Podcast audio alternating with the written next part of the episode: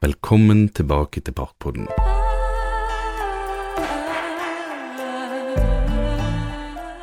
Bli med oss på en reise tilbake i tid til det aristokratiske og landlige England på 1700-tallet. Vi skal finne opprinnelseshistorien til den kjente engelske landskapsstilen som har inspirert og formet parker over hele verden. Helt fra Nygårdsparken i Bergen til Central Park i New York.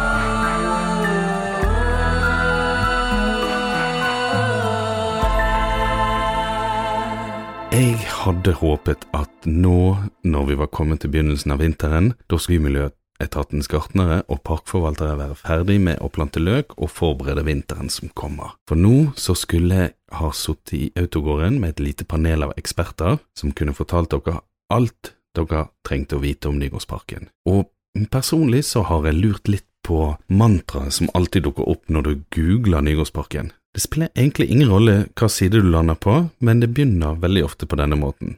Nygårdsparken er en park i tradisjonell engelsk landskapsstil. Men hva betyr det? Og da får jeg ofte svar når jeg spør, det er at det er en naturlig park. Og da lurer jeg litt på hva, hva betyr det? Og siden vi ikke kan samle alle gartnerne av det runde bord nå i pandemiens andre fase, så må vi finne ut av dette sjøl. Så spenn dere fast, for nå skal vi ut på en reise. Fra loftet på hjemmekontoret mitt så skal vi tilbake i tid. Vi skal over Nordsjøen til der det hele begynte. Og det vil vise seg at det som tilsynelatende virker naturlig på overflaten, har vært offer for de mest omfattende omveltninger og inngrep i naturen som noensinne har vært utført i historien.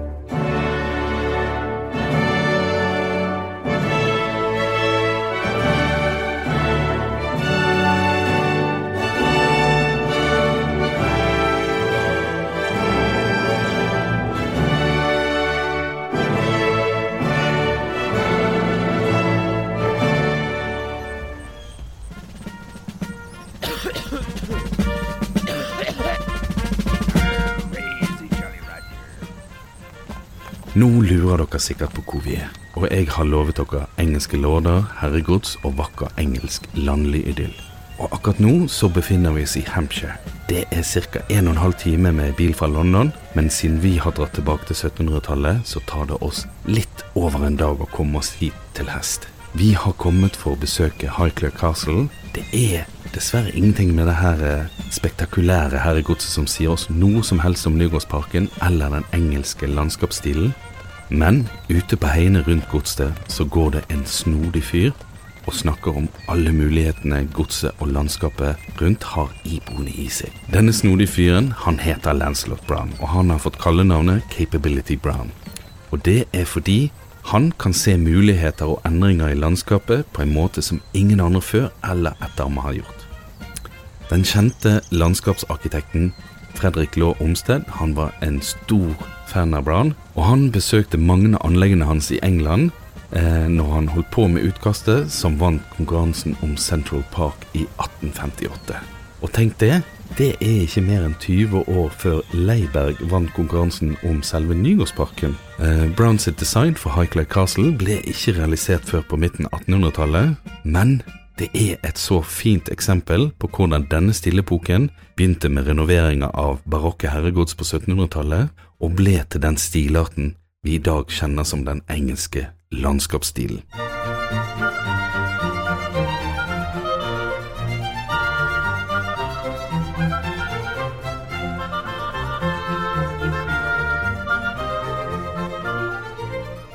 «300 år senere så står vi utenfor herregodset, og vi kan se en uavbrutt linje mellom hage, park og videre ut til det som virker som utkanten av en naturlig skog. Men alt vi ser, det er nøye planlagt og konstruert ned til den minste detalj av Lancelot Brown. Brown han var en mester i å manipulere omgivelsene og skape illusjoner. Han kunne plassere ut trær, busker, åser og hele skoger på strategiske punkter for å manipulere utsikten og skape en scene av tilsynelatende naturlig engelsk natur.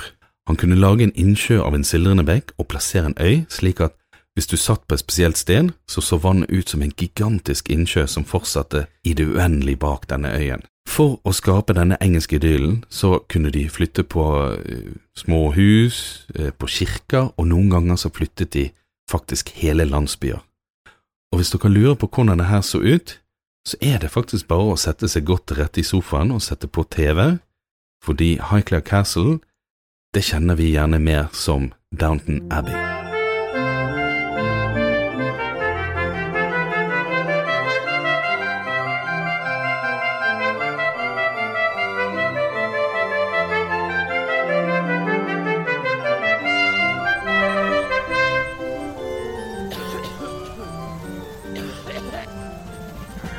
Da er vi tilbake på 1700-tallet igjen, eh, og vi er her for å se hvorfor det skjer, og hvorfor akkurat på denne tiden.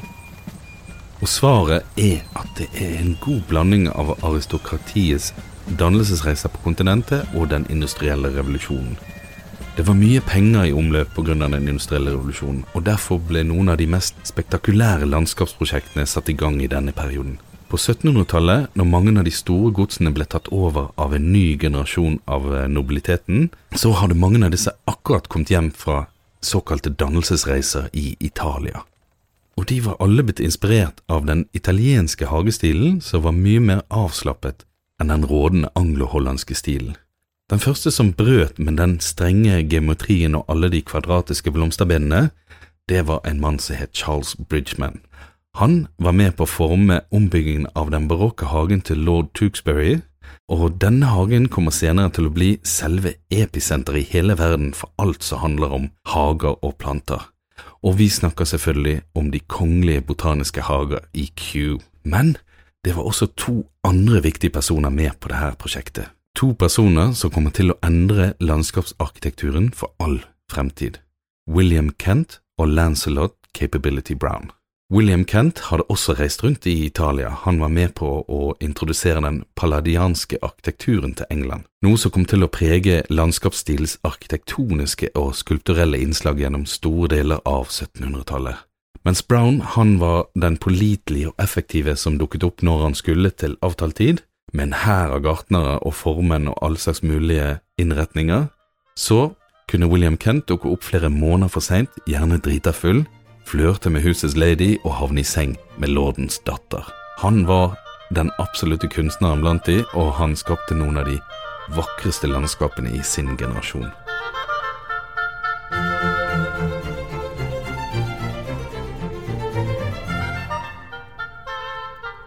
Noen vil hevde at det å vedlikeholde en naturlig park er mer vanskelig, selv om det er mindre symmetriske trimmekanter og konstant planting, men fordi man ofte må kjempe mot naturens egne krefter, noe vi kan se på alle overvannsproblemene som utfordrer Bymiljøetaten i dagens parker, og spesielt i Nygårdsparken, der dreneringen av de store plenene består av gamle veitekister, det er bygget i stein, men som har kollapset over tid, og som ingen helt vet hvor befinner seg. Og det er nettopp her at Brown kommer til sin rett.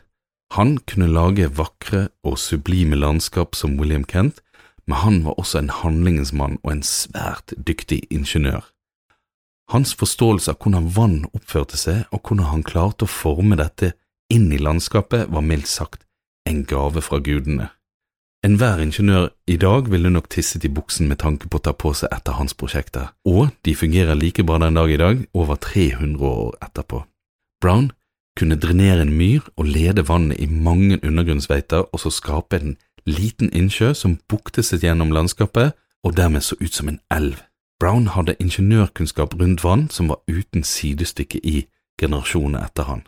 Brown står bak 170 hager og parker til noen av de fineste og flotteste herregodsene i Storbritannia, og hvis du ønsker det, så kan du faktisk se det med dine egne øyne. Det er fullt mulig å besøke Blenheim Palace, Warwick Castle, Milton Abbey og selvfølgelig Highclere Castle og Highclere Castle de har også spesialomvisninger for Downton Abbey-fans.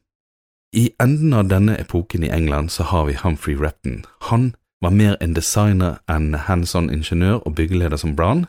Han hadde heller ikke den delikate og sublime sansen for kunst og teater som Kent hadde, men han var den siste landskapsarkitekten som designet hager og parker i et omfang og størrelse som ikke har blitt gjort tidligere, og heller ikke i ettertiden. Så der har du det, de fire nøkkelpersonene bak en typisk engelsk landskapsstil. Vi har foregangsfiguren Charles Bridgman, vi har kunstneren William Kent, designeren Humphrey Repton, og sist, men ikke minst, den storartede Lancelot Capability Brown.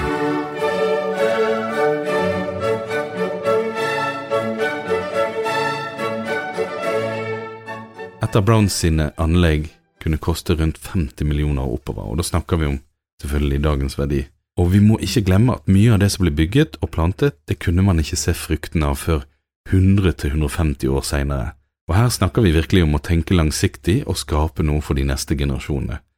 Og akkurat nå, over 130 år etter at Nygårdsparken ble grunnlagt, så er parken på sitt aller vakreste. Men kan vi se spor av Kent eller Ratton i Nygårdsparken? Har vi løst overvannsproblemet like delikat som Brown ville ha gjort det? Nei. Akkurat overvannet, det skal vi prøve å løse de neste årene. Men hvis du stiller deg opp ved den nærmeste livbøyen etter Gartnerboligen og ser bort mot Villvitesenteret, så ser faktisk Langevannet ut som en buktende elv du kan finne et sted på den engelske landsbygden.